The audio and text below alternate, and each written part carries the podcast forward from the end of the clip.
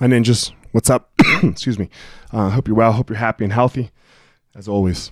Um, so I can remember one time I was in Albuquerque getting ready for a fight and show up to the gym.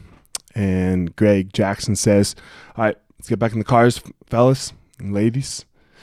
And we drive to these sand dunes. And these sand dunes are like, you know, almost up to your knees, right? So, like a good two, two feet high when you step into this dune. Um, and man, I'm not a runner, right? So he looks at us and he's like, "Okay, let's run. Let's run up these this sand dune."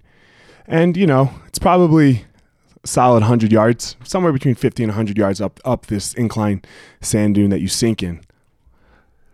And we had to do this 10 times. And then after the 10, we get done. Uh, it was really hard, like really, really fucking hard. Like one of the hardest things I've ever physically done. And he looks at us and he goes, Okay, we're not done. And he pairs us up with somebody else that's in our weight class. Mine was Rashad Evans at the time. He was getting ready for a title fight. And he makes us carry each other up these sand dunes.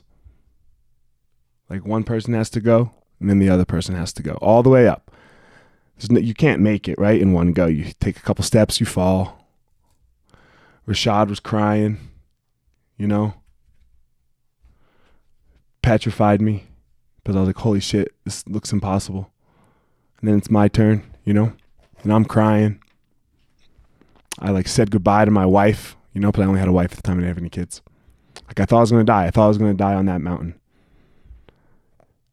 I didn't. Obviously, I'm here talking. And I was better at fighting when we were done. Didn't do any fighting physical skills. But my line got pushed back. The boundary of what I thought I could physically and mentally handle got moved. I became a more skillful fighter in that moment. In that moment, the moment it was over. Because the next time the fatigue came for me, I knew I could handle it because it wasn't that sand dune. You know, I knew I could do it. The, we pushed the bound. Greg pushed the boundary back on me that day. We need to do this with ourselves. We need to be pushing our boundaries. Not looking at the excuse me, not looking at the ceiling. Not looking at it go, "Oh yeah, that's right, I did that once." Oh yeah, I remember what that was like push where, wherever the boundary is, push it. I get it. We're getting phys- some of us are phys- are older and we can't physically do what we could do when we were 20. I understand that. But where is your limit? Wherever your limit is, just one more fucking step. One more and now that's your new limit. And then another. Push your boundaries, challenge yourself. Never say I can't. Never say that's enough. Keep fucking going.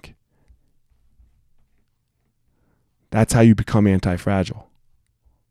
And that's where you find your power.